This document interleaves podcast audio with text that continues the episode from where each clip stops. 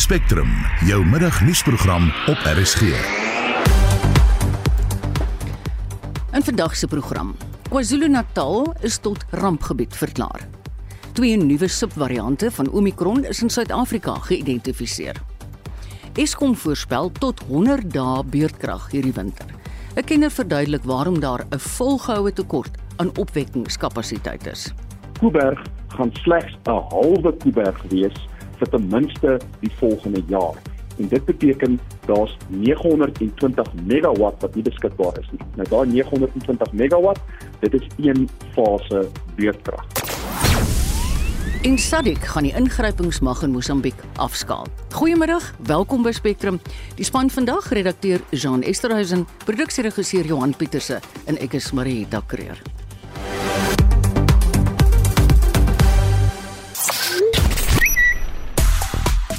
KZN floods is weer bo aan die lys van gewildste houtsmerke. Dit volg nadat 'n rampverklaring vroeër uitgereik is. Dan praat mense ook oor die Orlando Pirates sokkerspeler Paseka Mako wat gisteraand tydens 'n wedstryd na die hospitaal gehaas is. Hy het gelukkig geen ernstige beserings opgedoen nie. Ons het vroeër berig oor die verwagte skerp stygings in die prys van kookolie en hoender. Ons wil weet hoe belangrik is hoendervleis vir jou en jou gesin. Is daar alternatiewe wat voldoen aan ons vraag na proteïene? Stuur gerus 'n SMS na 45889. Hulle jaag ons R50 uit die saak uit. Of gesels saam op die Monitor Spectrum Facebookblad. Jy kan natuurlik ook 'n stemnota stuur na 076 536 6961. Ek herhaal hom net weer, is 'n lang nommer. Dis vir 'n stemboodskap. 076 536 6961. Voort met Spectrum, 6 minute oor 12. President Cyril Ramaphosa is op 'n besoek aan KwaZulu-Natal nadat swaar reën tot talle oorstromings en sterftes gelei het. Die premier, Sigle Zikalala, het intussen 'n rampverklaring uitgereik. Annelien Moses, wat ons nou net gehoor het, het meer besonderhede. Ramaphosa is vroeër deur die minister van samewerkende regering, Nkosazana Dlamini Zuma, en die premier Sihle Zikalala ontvang.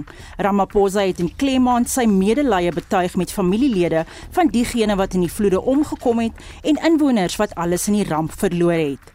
Intussen is minstens 140 skole in die provinsie gesluit. Die LER vir onderwys Kwazi Mshengu sê skole wat beskadig of ontoeganklik is, is aangeraai om tot Dinsdag gesluit te bly. We have advised that those schools that uh, were inaccessible because of the damage that uh, was done to schools, but others that because of the bridges that have been washed away. So basically, schools that are not accessible, we have advised that uh, they should not open at least up until Tuesday, so that uh, we are quite sure that uh, there is no risk that is taken by learners as well as educators in, the, in an attempt to, to access those schools. Soos ons vroeër op Monitor berig het, is die noodlenigingsorganisasie Gift of the Givers in gebiede soos Tonggaat en Phoenix om kos en ander noodsaaklikhede aan inwoners te verskaf. 'n Woordvoerder vir die maatskaplike veiligheidsagentskap, Sandy Godluana, sê SASSA het reeds ingegryp om bystand aan arme mense te bied. SASA will be in liaison with district disaster management teams with a view to obtain lists of affected individuals and to conduct a needs assessment. From the list obtained from these teams, SASA will ensure that food vouchers to the value of 700 Rand are provided to the identified individuals. School uniforms will also be provided to learners who have lost their belongings as a result of the disasters. In most parts of KZN, services at our offices are not disrupted and offices continue to operate normally on weekdays Eskom se bestuurshoof Andrei de Ruyter sê geen beurtkrag word in die eThekwini metro ingestel nie. We've got teams working through the night in KZN. Overnight, we were able to restore 28 sites. We've managed to get Belito back up and running. But the biggest issue we have right now is actually being able to access the sites. There are over 200 that we simply cannot access. So in that situation, roads have been washed away and we're trying to find alternate routes to be able to get to those towers. We have the, the issue of load shedding that's still in place. So load shedding has then caused batteries to run down so even if towers aren't necessarily affected by the floods, the batteries are now depleted and we can't get to the sites. Dit was MTN se hoof van korporatiewe sake, Jackie O'Sullivan. Ek is Annelien Moses vir SAK nuus.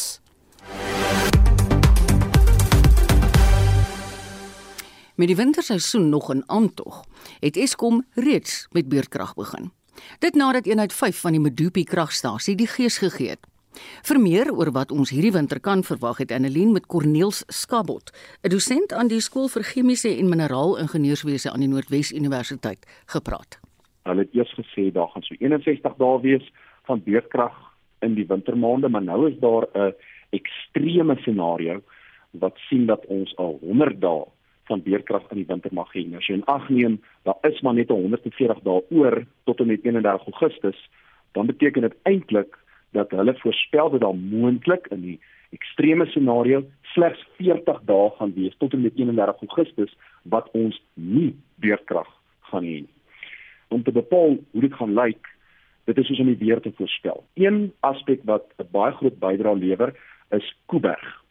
Kuiberg tans lewer net die helfte van wat dit normaalweg lewer want eenheid 2 is uit bedryf uit. Wanneer eenheid 2 terugkom, ek vermoed dit gaan dalk bietjie langer vat want daar is probleme daarso, maar sodra eenheid 2 weer in bedryf gestel gaan word, dan gaan eenheid 1 weer afgeskakel word vir instandhouding en dan weet ek daar's werk wat op eenheid 2 moes plaasgevind het wat uitgeskuif is nou na 2023 met ander woorde wat ek eintlik wil sê is Kuiberg gaan slegs 'n halwe Kuiberg wees vir ten minste die volgende jaar. En dit beteken daar's 920 megawatt wat nie beskikbaar is nie. Nou daai 920 megawatt, dit is een fase beurtkrag. Nou daar's beplande instandhouding en onbeplande instandhouding. En die kop seer steeds en oor die jare heen hierdie syfer bly kommerwekkend is daai onbeplande instandhouding. En dit beteken eenhede breek wat nie veronderstel was om te breek nie, maar weer bygesê dis ou aanlegte. Hulle moet breek, hulle gaan breek. Dit is wat aanlegte doen wat so oud is. Dit lyk asof dit moontlik nie die beste van winters gaan wees wat vir ons voorlê nie. Jy praat nou so van kragstasies wat onklaar raak, maar dan is die aanvraag na krag in die wintermaande ook hoër. So as hulle dit in ag neem, hoe is dit moontlik dat ons nog steeds beurtkrag in die gesig staar?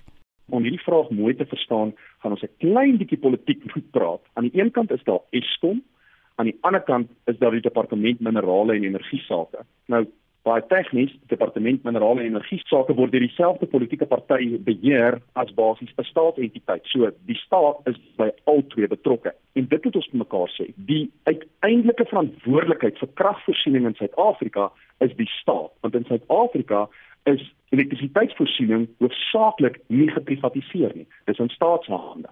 Nou Eskom is die een entiteit en Eskom doen wat Eskom kan doen gegeewe die verouderde vloot wat hulle het. Ons weet dat die laaste kwartaal van 2021 het Eskom energiebeskikbaarheidsfaktor maar gehad van onder 60%. Hulle het soms nie eens bo 60% gegaan nie. Dit beteken teoreties Eskom kan slegs 60% lewer van wat hulle veronderstel is om te lewer. So dan kom die ander entiteit ter sprake. En dit is die departement minerale en energie sake. Hulle is oor hoogs verantwoordelik vir die beplanning wat plaasvind rakende elektrisiteitsvoorsiening in Suid-Afrika. Nou ons weet die geïntegreerde hulpbronplan het gevra vir noodkrag as die energiebeskikbaarheidsfaktor laer is as 75-70%. Hulle het toe gegaan en ons weet dit is 'n jaar en 'n half gelede wat hulle noodkrag gaan soek het en op die einde van die dag was daar 'n paar suksesvolle beers, maar hier's die probleem. Ons sit 'n jaar en 'n half verder en as gevolg van 'n strategiese fout, as gevolg van die verkeerde keuse in terme van hierdie noodkrag. Ons weet dis hierdie kragskepe. En hierdie kragskepe, daar's nog baie water wat in die see moet loop voordat daar finaal goedkeuring gegee gaan word. Selfs al sou Barbara Krisi en haar departement op appel sê, "Oké, okay, ons laat nou toe dat hierdie kragskepe wel in die hawens mag vasmeer." Ek sê vir jou nou, daar gaan probleme wees, daar gaan omgewingsgroepe wees wat hierdie aansoeke hof toe gaan sleep en dan is dit appel op appel op appel. Ons weet nou al wat is 'n stallingraad strategie en die probleem is ons kan net realisties kyk na die feite op die tafel. Dit gaan lank vat voordat hierdie identieel goedgekeur word. Dit was Corneel Skabot, 'n dosent aan die skool vir chemiese en mineraal ingenieurswese aan die Noordwes Universiteit. Die voormalige minister van gesondheid, Zweli Mkhize, is gister deur die parlement se etiekkomitee vrygespreek op twee aanklagtes dat hy na bewering die etiese kode van die parlementslede oortree en voordeel getrek het uit die Digital Vibes kontrak. Die inklag het verband gehou met voordele vir instandhoudingswerk aan Mkhize se eiendom in Bryanston, terwyl 'n ander klag verband hou met sy seun wat na bewering 460 000 rand van Digital Vibes ontvang het. Die etiekkomitee het bevind Mkhize het nie enige etiese kodes oortree in die verklaring van sy persoonlike belange nie. En hieroor praat ons nou met die ondersoekende joernalis van Scorpio by die Daily Maverick, Pieter Louw Meiburg. Hallo Pieter Louw. Middag Marita, middag aan jou luisteraars. Hoe streng is die parlement se etiese kodes? Ah, uh, dit is redelik streng op papier, Marieta, uh, maar ek dink mm. die belangrike vraag altyd bly maar hoe streng dit eintlik afgedwing word wanneer hierdie etiese komitees en ander uh, staande komitees in parlement um, hulle pligte uh, nakom om uh, politici soos Mkhize um uh, uh, um accountable te hou vir hulle dade. Um dit word ongelukkig uh, baie duidelik nie tot die letter gevolg nie as ons ook kyk na die kritiek vroeër van die Sonderkommissie byvoorbeeld dat die parlement eintlik maar klaaglik misluk het oor die jare in hulle taak om uh politici verantwoordbaar te hou vir hulle wandade. Ek weet jy sê Pieter Louw as 'n joernalis was ek gister nog ons baie verbaas, maar nou ja. Mkhize is wel vrygespreek deur die parlement se etiese komitee, maar hy word steeds deur die spesiale ondersoekeenheid ondersoek. Is dit nie miskien waarna mense eintlik moet kyk nie? Mens behoort, uh, maar dit mag ek dink jy weet Suid-Afrika het 'n konstitusionele bestel met verskeie pilare waar volgens um, jy weet hierdie belangrike werk byvoorbeeld om politici verantwoordbaar te gedoen word en mens wil eintlik ideaal hê ons moet 'n bestel wees waar al die pilare ewe goed funksioneer en dat ons nie net dat deurgaans ons op uh, met berus op die media byvoorbeeld wat goed werk of die, die regbank net parlement is 'n uiters belangrike ehm um, is 'n uiters belangrike meganisme um, om om ook politici verantwoordbaar te hou. En dit is eintlik maar baie jammer dat ons oor die jare ons nou in 'n situasie bevind waar dit so tandelose uh, organisasie of 'n platform geword het waarby ANC politici veral, ek weet omdat hulle daai ehm um, meerderheid daar geniet, klaar blyklik maar beskerm word op daardie platform, maar nogtans die die spesiale ondersoekeenheid is besig om met hulle werk voort te gaan en ek het dit op 'n baie snaakse tydstip mag gekom het. Hulle het nou gister die die goeie nuus gekry dat die parlement uh, sy etiese komitee hulle vrygespreek het, maar hulle sou vandag maar weer eintlik die die kurkprop moet terugdruk in die champagnebottel want die spesiale ondersoeking het pas nou die nuus het nou gebreek so ure wat terug 'n groot oorwinning gekry um, behaal in die spesiale tribunaal.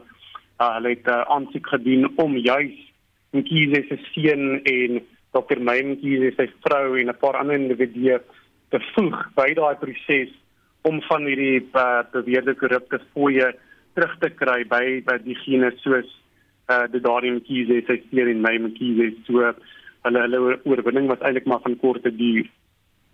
Dink dis 'n baie interessant interessante stuk nuus wat jy nou vir ons gee. So dit gaan inderdaad gebeur. Want dit is die daai proses is nou besig om te ontvou. Ja, so die die spesiale tribunaal se um, se judgment het eintlik nou letterlik 'n ure wat terug het dit gebreek het daar iets uitgekom. Ek het self nog nie 'n kans gehad om dit reg onder oë te kry nie. Ek het so vlugtig daardeur gekyk, maar dit wil voorkom of die die spesiale tribunaal myne koue water gegooi het op al daardie argumente so. Om jy luister as sal dalk onthou uh, my Mkhize en sy seun daardie Mkhize en so het allerlei staaltjies en stories gehad in terme van hoekom hulle nou eintlik hierdie geld gekry het van die digital wise kontrak af. Um, hulle het hulle het beweer dat dit hoegenaamd niks met daardie departement van gesondheid kontrakte doen het nie. Hulle het normale sake transaksies onder mekaar gevoer ensovoorts ensovoorts. En dit lyk my die spesiale tribunaal aanvaar nie daardie verduidelinkings nie en um, het nou wel die spesiale ondersoekeenheid toegelaat om al daardie individue wat met digital wise geld sit nou te voeg in daardie saak uh sodat die SOE kan voortgaan om daardie gelde terug te in te vorder. Wel dit is goeie nuus. Maar hoe ver is die proses om die moontlike skuldiges by Digital Vibes aan die pen te laat ry? Ja, so daardie proses gaan voort natuurlik. Ek sê die die spesiale ondersoekeenheid se proses is 'n siviele ding uh, waarby natuurlik die oogpunt is maar om gelde terug te win. Maar dan natuurlik is daar ook 'n ehm um, 'n kriminele saak wat voortgaan. Um, en daar ongelukkig het ons geen aanduiding van hoe dinge daar vorder nie. Dit is 'n baie belangrike element in die hele storie. Ons kan nie net siviele dinge hê en die gelde terug uh, invorder nie wanneer daar oortredings soos geldwasery, korrupsie ensovoorts besprake is, moet daar natuurlik kriminele vervolging wees. Daar moet 'n goed funksionerende stelsel wees uh, waarby organisasies soos die Valke byvoorbeeld hulle werk doen en hierdie sake op die hofrol kry. Ehm um, so dinge nou staan hoor ek maar bitter min wat daar gebeur en mense dink dat die digital vibes ehm um, individue die baas het Tahira Mafer en so aan wat ehm um, aan die digital vibes kan die kontrak deurgedruk het en ook hulle politieke ehm um, vriende binne die, die departement wat hierdie kontrak moontlik gemaak het, hulle moet krimineel vervolg word as daar sprake van geldwasery ensovoorts mm. uh, uh, ter sprake is, maar ja, die vraag bly staan wanneer ons daardie uh, saak op die hofvloer gaan sien. Pieter Louw, weet ons of enige iemand al afgedank is vir hulle beweerde betrokkeheid? Wel ek ek ek beskou maar Willem Kiese se bedanking verlede jaar as 'n effektiewe bedanking. Kyk, hy het natuurlik ehm um, vir politieke gewin afspeel dat hy eintlik maar die regte ding gedoen het en uitgetree het sodat die saak afgehandel te word, maar ek dink president Cyril Ramaphosa in daai tydstip het geval gegee die die druk op die regering wat spruit uit die gevolge van die Sonderkommissie byvoorbeeld en en die, die publiek se algehele ehm um, misnoë oor korrupsie en so en ek dink nie Ramaphosa het so van 'n keuse gehad nie. Ek dink ehm um, Mkhize het eintlik maar gevra om te gaan. Ek dink dit was 'n effektiewe afdanking. Ehm um, maar daar is verseker nog individue binne die departement as jy onthou hierdie tipe korrupsie gebeur nie net danksy die die beweerde betrokkeheid van 'n minister nie daar's allerlei tegniese amptenare wat met die in die finansies departement hmm. ensovoorts werk wat hierdie tipe tenders moet deurdruk en ek ek ek glo daar is nog steeds van daai individue wat in die departement is so mense sou dink dat hopelik wanneer daardie kriminele vervolging begin sal daar meer duidelikheid ehm um, kom in terme van wat met daai mense gaan gebeur. Pieter Dweek wil vir jou dankie sê maar nie net dat jy tyd afgestaan het om met ons te gesels nie, maar dankie vir die ondersoekende journalistiek wat jy doen by Scorpio by Daily Maverick. Dit was die ondersoekende joernalis by die Daily Maverick, Pieter Louw Meiburg. Spectrum, jou middagnuusprogram op RSG. Nou vir iets heeltemal anders. SADC leiers het aangekondig dat hulle die ingrypingsmag in Mosambiek gaan afskaal. Dit nadat die magte ontplooi is om rebelle in die Cabo Delgado streek te stuit. Vir meer oor die jongste besluit deur SADC lande, praat ons nou met 'n senior opleidingskoördineerder van die ENACT program by die Instituut vir Sekuriteitsstudies, Willem Els. Goeiemôre Willem. Goeiemôre. Wat beteken dit as president Ramaphosa en ander leiers sê SADC magte se betrokkeheid gaan afgeskaal word?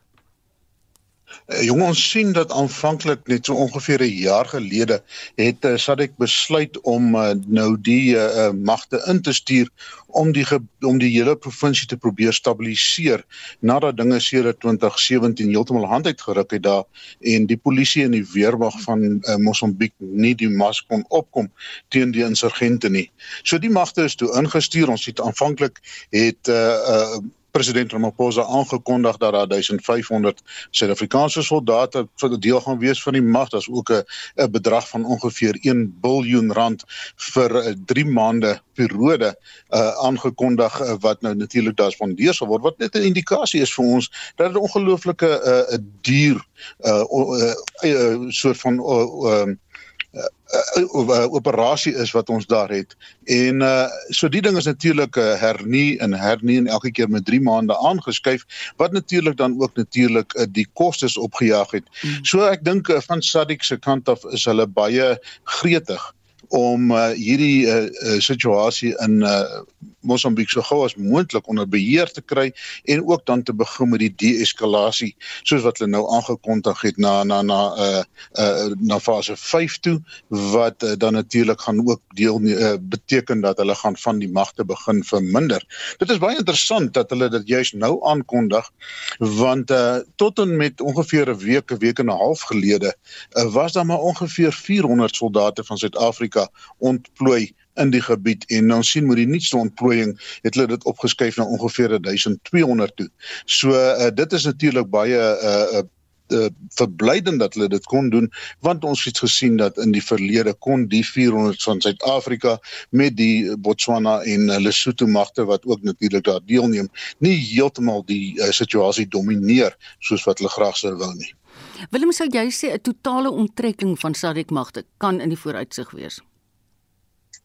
Uh, Marita dit is uh, dit is moeilik om op hierdie stadium te sê vir alles ons het uh, meet aan wat op die oomblik in in uh, die Kongo aan die gang is en ook in wat ons sien wat in Somalia aan die gang is. Dit hang baie af van uh, hoe die sta situasie stabiliseer. Dit hang af baie van die van van watter taktiek gebruik word en ook wat 'n wat 'n strategie deur die uh, SADC magte sowel as Mosambiek aan die hand gelê word om hierdie ding onder beheer te bring. Ons sien wat wat baie belangrik is en wat ons net moet noem tot op hede was dit 'n suiwer militêre ingryping geweest. Ons sien dat Rwanda het ingekom eers voordat uh, die SADC magte ingegaan het en uh, hulle het uh, twee van die gebiede gestabiliseer. Uh, SADC het ingekom en hulle het uh, die, die ander gebiede begin stabiliseer. Uh, maar ons ons sien dat dit nou nie heeltemal onder beheer is soos wat ons graag wou gehad het dit moet wees nie, maar op 'n of ander stadium sal hulle moet begin om die ander fases te implementeer van hierdie groot inisiatief en dit is waar hulle begin kyk na die sosio-ekonomiese en al die ander projekte om die oplig van die mense te hervestig en om natuurlik die heropbou van die provinsie teweeg te bring. Kyk, ek kan verstaan vir veiligheidsredes word nie te veel inligting bekend gemaak nie, maar kan jy dalk vir ons sê het geweld in die Cabo Delgado provinsie afgeneem of sit insurgente eintlik maar net hulle dade voort? Jong, uh, dit hang af. Uh omdat dit so 'n groot provinsie is waar daar verskeie brandpunte is en natuurlik die voet op die grond nie heeltemal genoeg is om heeltemal te domineer. Jy kan ons sien dat wale in beweeg het in die Mokomia distrik waar die Suid-Afrikaanse magte byvoorbeeld betrokke is, was daar heel verskeie uh, heel party voorvalle gewees, maar ons sien na optredes het dit afgeneem, maar dan sien ons hulle skuif net na 'n ander gebied toe, soos byvoorbeeld as ons kyk na die Nangadi gebied wat nou net suid van die uh, die Tansaniese grens is waar die Lesotho magte sowel as die die Tansaniese magte betrokke is. Uh in die eerste kwartaal van hierdie jaar was daar 39 voorvalle wat aangemeld is teenoor 14 van die laaste kwartaal van die verlede jaar. Hmm. Wat natuurlik beduidende 'n uh, eskalasie is in daai gebied. Uh en in ander gebiede het dit weer begin afneem. Dan sien ons ook dat uh byvoorbeeld uh, so 2 weke terug in die Motemo eiland is aangeval wat nou buite die operasiegebied van SADC is wat uh, in die Kisanga gebied is net suid van Mokomia uh waar daar natuurlik 'n klomp mense doodgemaak is en en ensovoorts. So ons sien dat die die die situasie het baie afgeneem, dit is tot 'n groot mate gestabiliseer, maar as hulle nie hierdie uh los groepe kan bymekaar maak en heeltemal stabiliseer, dan dink ek ons sien in die in die nabye toekoms dat die situasie kan voortduur. So. Het julle by die Instituut vir Sekuriteitsstudies Willem enige aanduiding hoeveel mense Mosambiekers al gevlug het en of dit al vir hulle moontlik is enigsins om terug te keer? Ja, daar is eh, daar is getalle gewees van amper 'n miljoen mense wat eh, wat gevlug het van die begin af. Maar wat ook onrusbarend is dat ons sien dat die aanvalle in die Nangari provinsie of uh, distrik daartoe gelei dat 24000 mense gevlug het uit daai uit daai gebied uit alleen. So dit is nie 'n situasie waar ons nou kan sê okay, alles is nou gestabiliseer, die mense gaan begin terug begin beweeg na waar hulle vandaan kom. Ons begin met die normalisering van die van die omstandighede nie om omdat die situasie op die grond nog nie tot so 'n mate gestabiliseer is dat ons dit kan noem nie. Willem baie dankie vir jou insig en jou kennis. Dit was Willem Els. Willem is 'n senior opleidingskoördineerder van die Enact program by die Instituut vir Sekuriteitsstudies. 1228. Daar is op die oomblik 56 bevestigde gevalle van bekkenklouser op plase en gemeenskaplike gebiede in die Vrystaat, KwaZulu-Natal, Limpopo, Noordwes en Gauteng. Dit is volgens die minister van Landbou, Grondhervorming en Landelike Ontwikkeling, Toko Didiza. Sy sê die regering doen alles moontlik om die situasie onder beheer te bring. Estie de Klerk het meer besonderhede.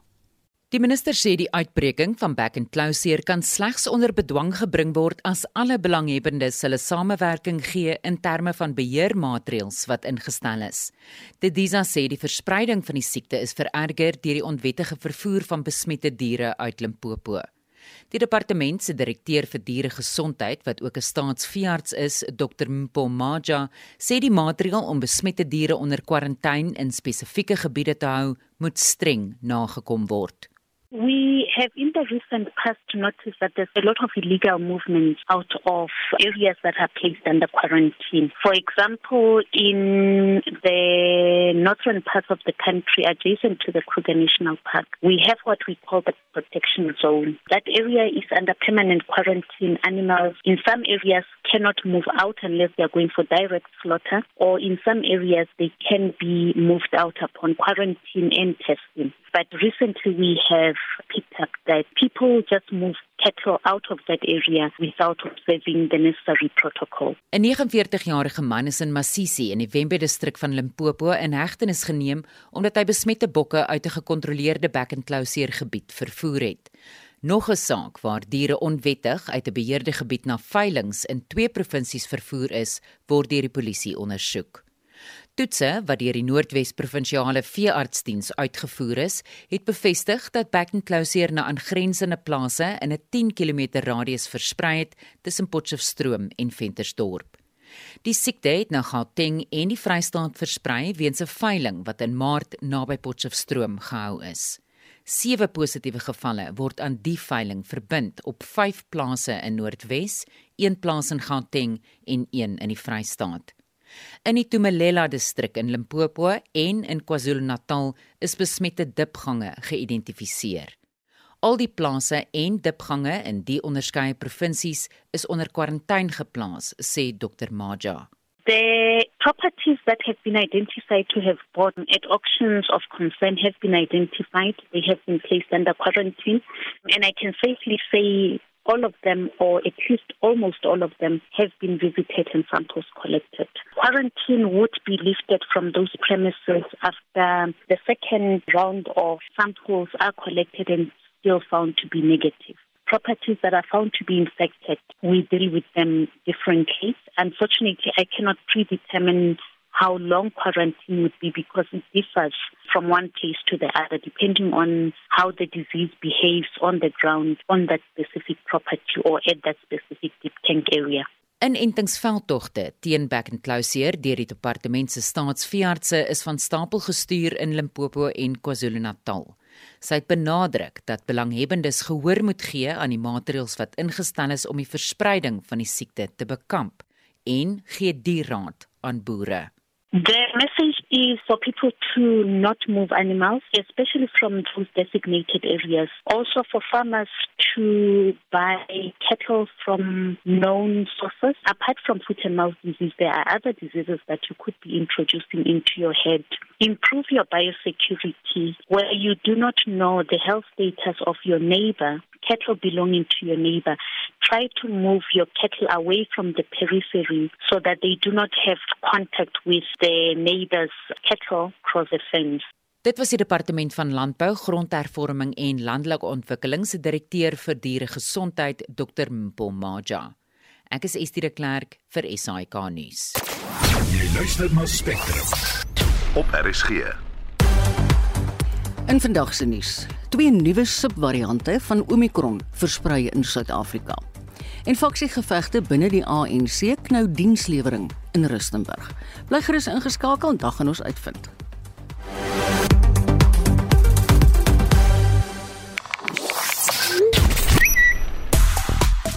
Trane word nog op Twitter gestort oor die Britse sokkerspan Chelsea wat gisteraand teen Real Madrid verloor het. En intussen hou die treurmare oor Eskom nie op nie. Dit volg nadat fase 2 beurtkrag tot 5uur Vrydagoggend ingestel is. Ons het vroeër gevra, hoenderpryse gaan na verwagting die hoogte inskiet. En net soos die prys van stygende kookolie, kan die stygings in hoenderpryse ook 'n impak hê op verbruikers se sakke. Wel dit gaan. En toe wil ons vandag by jou weet hoe belangrik is hoendervleis vir jou en jou gesin en het jy dalk al oorgeskakel na 'n ander bron van proteïen? Toe hoor ons. Pieter Engelbreg skryf: "Die alternatief is begin met die werfhoenders en slag hulle soos benodig." Ek raai aan jy moet seker net nie 'n naampie gee nie. Rex Bester laat weet: "Hoendervleis is vir ons belangrik. Alhoewel nie plantaardig nie, is dit vir my al stapelvoedsel.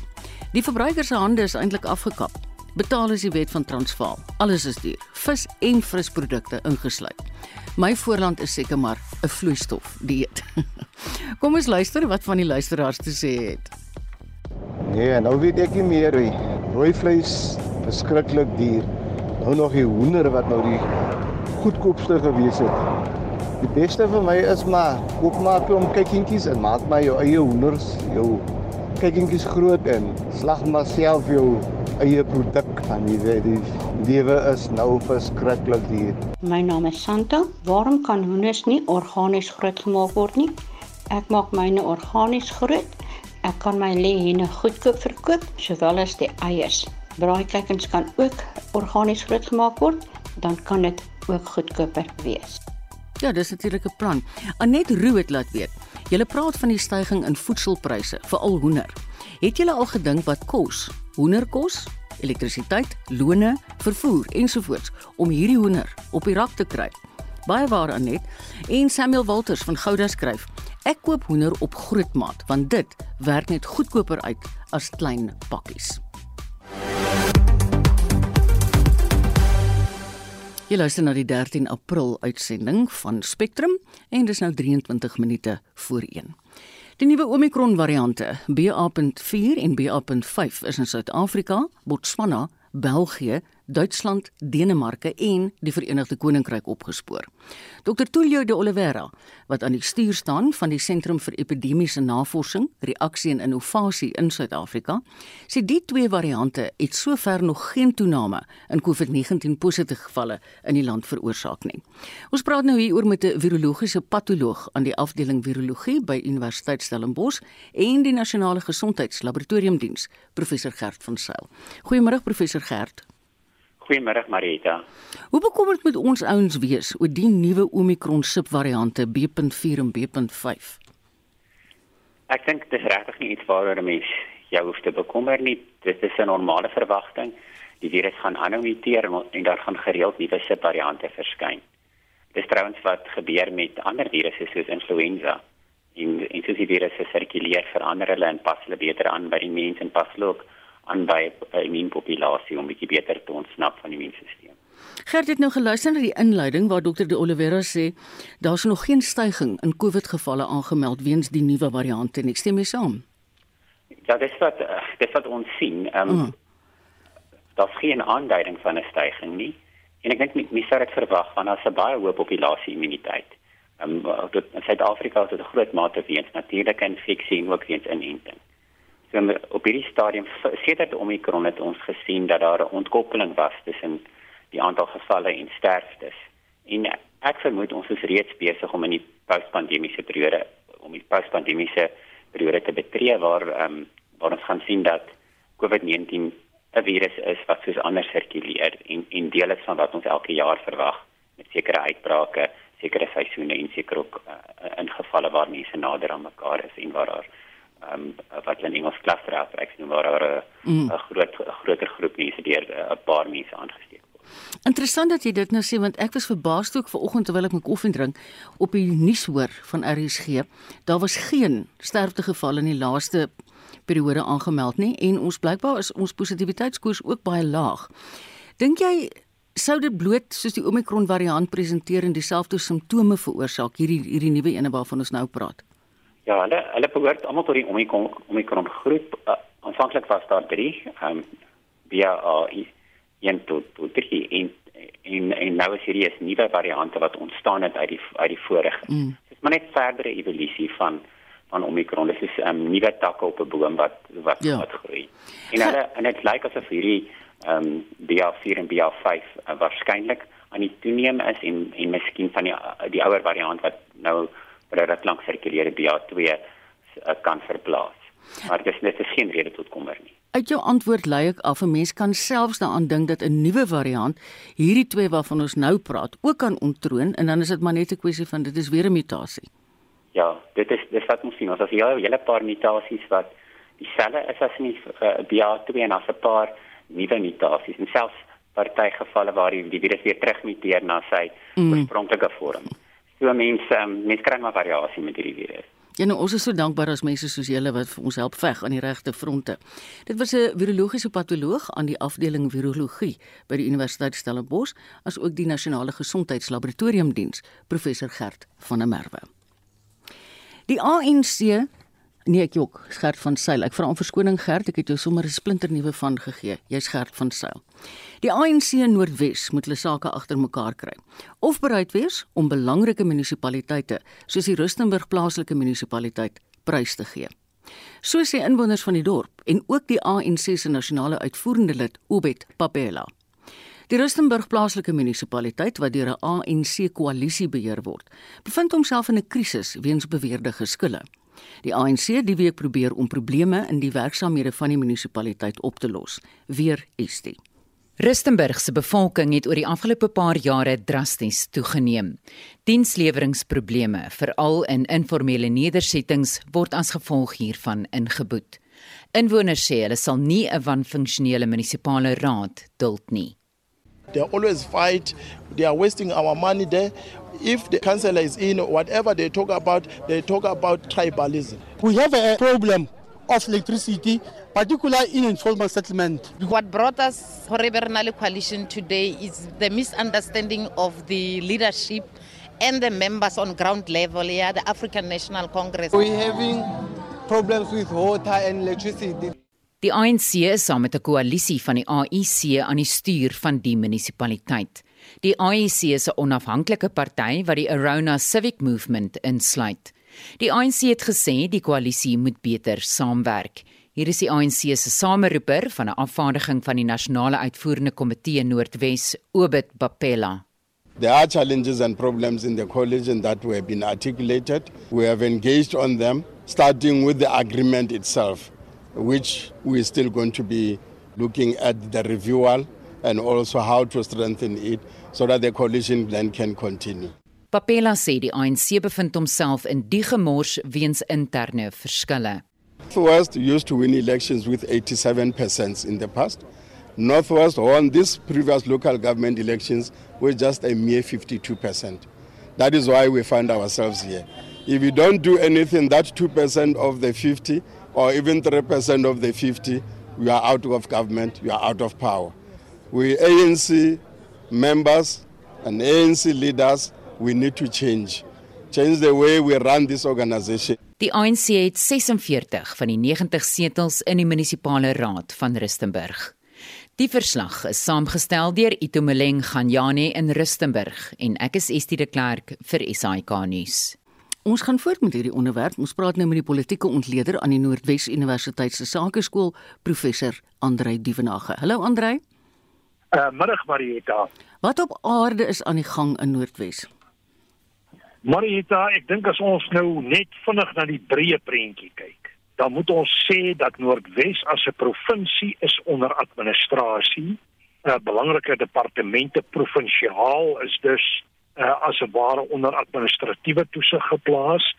Dan is ons in 'n situasie waar die meerderheid van artikel 139 intervensies van alle provinsies in Suid-Afrika het hier in Noordwes voorgekom en op die oomblik ervaar ons disfunksionaliteit op talle vlakke. Daar is eintlik sonder uitsondering is al die munisipaliteite in 'n mindere of 'n meerdere mate disfunksioneel. Ek het nou pas dwars deur Potchefstroom gery en ek moet vir jou sê Potchefstroom het die meeste potholes wat ek nog in die laaste 30 jaar gesien het. Mm. En as jy dan byvoeg dat die ANC as 'n party ook nie regtig by magte is soos Obed Popela tereg aangedui het uh verkiesings hou nie en uh, as gevolg van interne twiste nie dan sit jy met 'n leierskap bestuursprobleem en op die oomblik is daar 'n opbou na 'n provinsiale uitvoerende raadsverkiesing wat oor 'n maand moet plaasvind en jy sal optel dat die konflikte smeel in talle omgewings Ek is vanoggend weer ingelig oor probleme in uh, die Vryburg omgewing. Ons gaan praat oor Rustenburg, so dit lê wyd, dit lê in Matlosana en so meer. Wat jy eintlik vir my sê Andre is dat wat ons sien in die Rustenburg plaaslike munisipaliteit is maar net gewoon simptomaties van interne geskille in die ANC in daai provinsie. Ek dink 'n mens kan daai breë lyn trek. Uiteraard is elke situasie tot 'n sekere mate uniek. Rustenburg het unieke kontekste soos jy nou gemeld het. Hulle is een van die sogenaamde 66 hangrade. So daar is nou nog koalisiepolitiek ook in die prentjie mm. en koalisiepolitiek kompliseer sake natuurlik verder.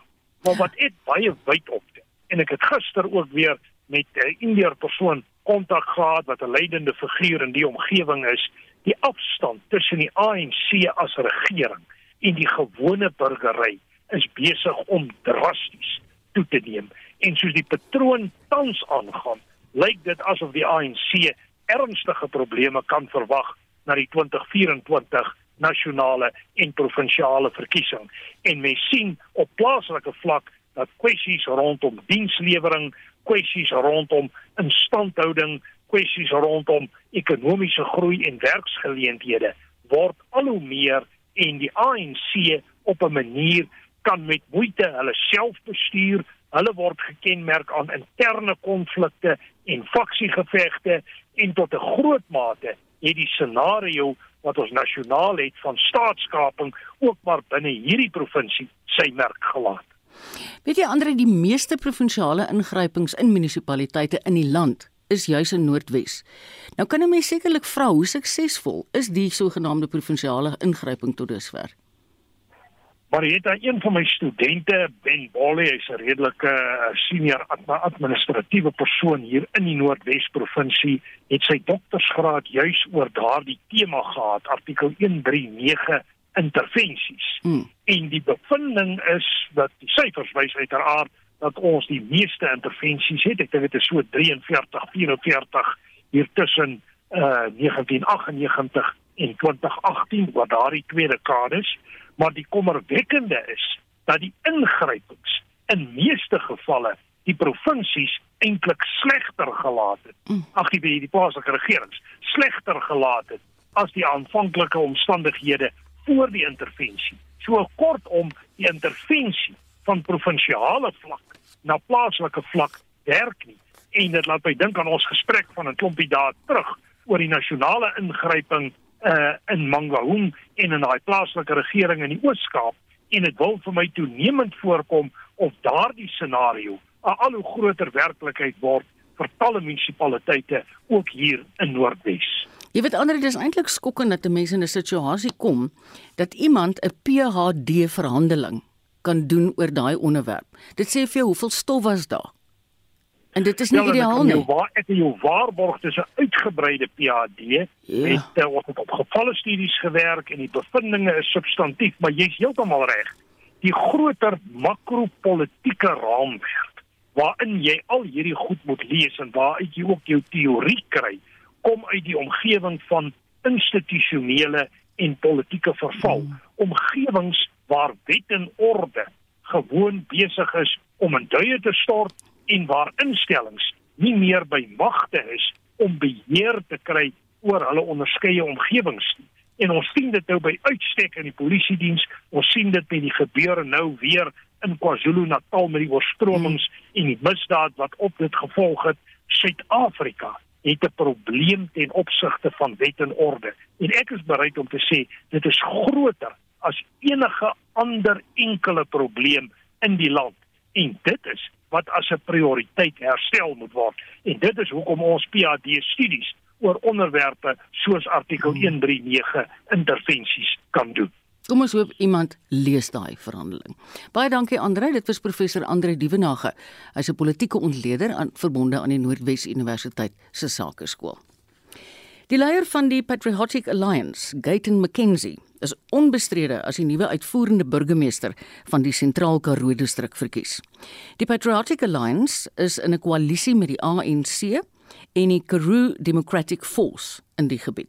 Tanya Krause doen verslag. Kaitin McKenzie het verander van 'n lewe van misdaad na 'n suksesvolle sakeman en politikus. Hy het tydens die Novemberverkiesing verlede jaar baie steun vir sy party gekry, wat die PA 'n koningmaker in verskeie munisipaliteite gemaak het. Tydens die Sentraal Karoo distrikmunisipaliteit se raadsitting vroeër die week, het die Karoo Democratic Force se leier Noel Constable McKenzie as burgemeester benoem, 'n posisie wat hy onbestrede gewen het. Hy het tydens sy intrede beklemtoon dat politiek en politici nie by die werk van munisipale amptenare moet inmeng nie. I want to make it very clear here today. I don't care whether you're from the ANC, whether you are from the DA, from the KDF, or that party that says they don't buy from me. I don't care. Daar kom dit nou. I am not a mayor of PA people here. Yes. I am a mayor for each and everybody. Yes. Come on, Frank. Yes, sir. If you want to be an ANC worker or a PA worker or a DA worker, I'll say to you now, you must resign and you must join politics because you are a politician. We see you. Hy sê hy sal nie 'n salaris aanvaar nie en ook nie van 'n burgemeestersmotor gebruik maak nie en sê die geld sal aangewend word om die distrik se vervalle swembaddens reg te maak en die motor sal verkoop word om 'n nuwe ambulans aan te skaf. McKenzie het beloof dat inwoners wie se elektrisiteit ontkoppel is, weer aan die netwerk gekoppel sal word. Maar dit sal nie gedoen word vir sakeondernemings of plase nie, wat hy beweer daarvoor verantwoordelik is dat die munisipaliteite in die streek nog Eskom skuld het. Hy het ook beloof om 'n begrafplaas skoonmaakprogram te begin en om immer toilette in die eerste 100 dae van sy termyn uit te roei. There's still bucket toilets here. 83-year-old people must go outside in the cold in winter to a bucket toilet. It cannot be. Dit sal nooit gebeur nie. That all that nonsense stop today. So I want to say to you, within 30 days, within 30 days, we shall start eradicating all the bucket toilets.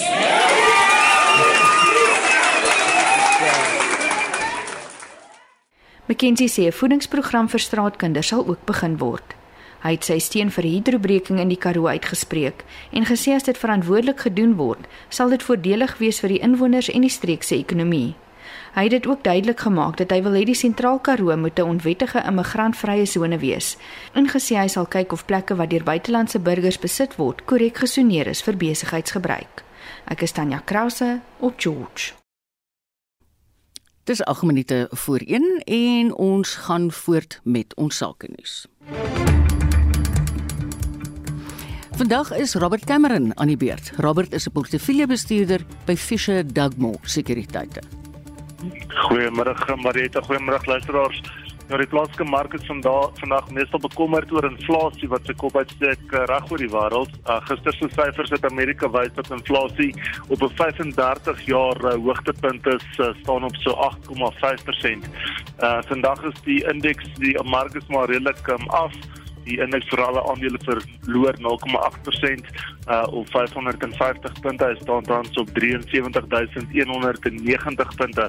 Die top 40 indeks uh, ook af met so 0,8%. Die Hulbron uh, indeks op hierdie stadium agter sterker met so 0,75%. Die Nasdaq indeks verloor uh, 1,6% en so ook die finansiële indeks af met so amper 0,8%. Ons kyk na enkele aandele uh, op die mark vandag uh, Mr Price sterker met 5,2%. Hy's op uh, R222.10 en dis uh, nadat nuus uitgekom het dat hulle 'n maatskappy met die naam Stadio 88 gaan koop en hulle versprei dan luxe handelsmerke soos Adidas in Suid-Afrika. Uh Sasol beter met 2%, hy's op uh, R372.80. Capitec swakker met 3,3%, uh, R2193.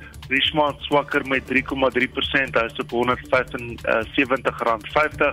en dan Al Mutual verloor 5,2%, R12.70 en dan uh, Naspers swakker met 1%, hy is op uh, R1560. Dis so koerse. Die rand uh, redelik sterk vandag. 5 uh, 12 dis tog. R14.49 teenoor Amerikaanse dollar R15.68 teenoor die euro en die Britse pond kos jou tans R18.83. Kommoditeit vir die goudprys 1978 dollar per fyn ons, platinum 988 dollar en dan die Brent olieprys weer eens sterker vandag op met so 1,8%. Hy's op uh, 106 dollar 60 per vatjie. Internasionaal sien ons oornag die Dow Jones gesluit uh met so 0, verloor so 0,3%, Die Hang Seng uh agter in Asië sterker met 0,3%. Die groot Europese markte is gemeng vandag. Die FTSE 100 in Londen marginaal beter dan die uh DAX in Frankfurt verloor 0,9% en dan die CAC 40 in Parys uh, swakker met so 0,5 persent. Dan laastens die S&P termynmark op hierdie stadium sterker met so 0,35%. Dit dui dan op 'n beter opening uit Amerika later vandag. Baie dankie dis een van vandag se sake nuus. Baie dankie Robert, ek hoor dinge gaan ook maar vinnig daar by julle. Robert Cameron, 'n portefeuljebestuurder by Fisher Dugmore Sekuriteite. Marlenae het vandag vir ons die nuus en ontwikkelende stories van die afgelope uur dopgehou. Hallo Marlenae. Hallo Marieta, president Cyril Ramaphosa is op besoek aan KwaZulu-Natal nadat swaar reën tot talle oorstromings en sterftes in die provinsie gelei het. Altesaam 140 skole is gesluit en talle paaie is onbegaanbaar. Die regering het ook intussen KwaZulu-Natal tot 'n rampgebied verklaar, mee hieroor in 'n brandpunt vanmiddag. Die winter het nog nie eens behoorlik aangebreek nie en Eskom het reeds begin om beurtkrag toe te pas nadat verskeie eenhede by kragstasies onklaar geraak het. Eskom se bestuurshoof Andreu de Ruyter het vroeër by 'n media-konferensie gesê geen beurtkrag word in die eThekwini Metro in Durban ingestel nie. Then we also had an interruption at the Apollo substation where the line from Bassa uh, enters the ESCOM grid just outside of Midrand, and that caused the loss of a further 220 megawatts. We are in the process of repairing that. Uh, we anticipate that we should have that return to service uh, by late this afternoon, depending on the severity of the water leak that caused that particular bridge to trip. Ons het ook aan Corneel Skabort, 'n dosent aan die skool vir chemiese en mineraalingenieurswese aan die Noordwes Universiteit gevra wat vir ons voorlê in terme van beurkrag. As ons kyk na Eskom se eie vooruitskattinge, dan sien ons dat daar tussen 60 en 100 dae beurtkrag gaan wees binne die volgende 140 dae. As ons in ag neem dat Kuiberg eenheid 2 is tans uit bedryf uit en sodra eenheid 2 terugkom, dan gaan eenheid 1 uit bedryf uitgestel gaan word en as ons ook in ag neem dat die departement minerale en energie sake nie daarin kon slaag om die 2000 megawatt beloofde noodkrag aan die netwerk te koppel nie, dan is die 60 tot 100 dae beurtkrag wat ons te wagte is redelik akkuraat. En dan SADC leiers het aangekondig dat hulle die ingrypingsmag in Mosambiek gaan afskaal. 'n Senior opleidingskoördineerder van die Enact program by die Instituut vir Sekuriteitsstudies, Willem Els, sê SADC wil die situasie so gou moontlik onder beheer bring wat baie belangrik is en wat ons net moet noem tot op hede was dit 'n suiwer militêre ingryping geweest. Ons sien dat Rwanda het ingekom eers voordat uh, die SADC magte ingegaan het en uh, hulle het uh, twee van die gebiede gestabiliseer. Uh, SADC het ingekom en hulle het uh, die, die ander gebiede begin stabiliseer. Ons sien dat dit nou nie heeltemal onder beheer is soos wat ons graag wou gehad het dit moet wees nie, maar op een of ander stadium sal hulle moet begin om die ander fases te implementeer van hierdie groot inisiatief en dit is waar hulle begin kyk na die sosio-ekonomiese en al die ander projekte om die oplig van die mense te hervestig en om natuurlik die heropbou van die provinsie teweeg te bring. En dit dan Willem Els van ehm um, die Enact program by die Instituut vir Sekuriteitsstudies. Dit was Marlenae wat vandag vir ons die nuus en die ontwikkelende stories dopgehou het. Ek groet namens ons hele redaksie vandag hier by Spectrum. Ek hoop dat julle die uur saam met ons geniet het. SAK nuus. Onafhanklik, onpartydig.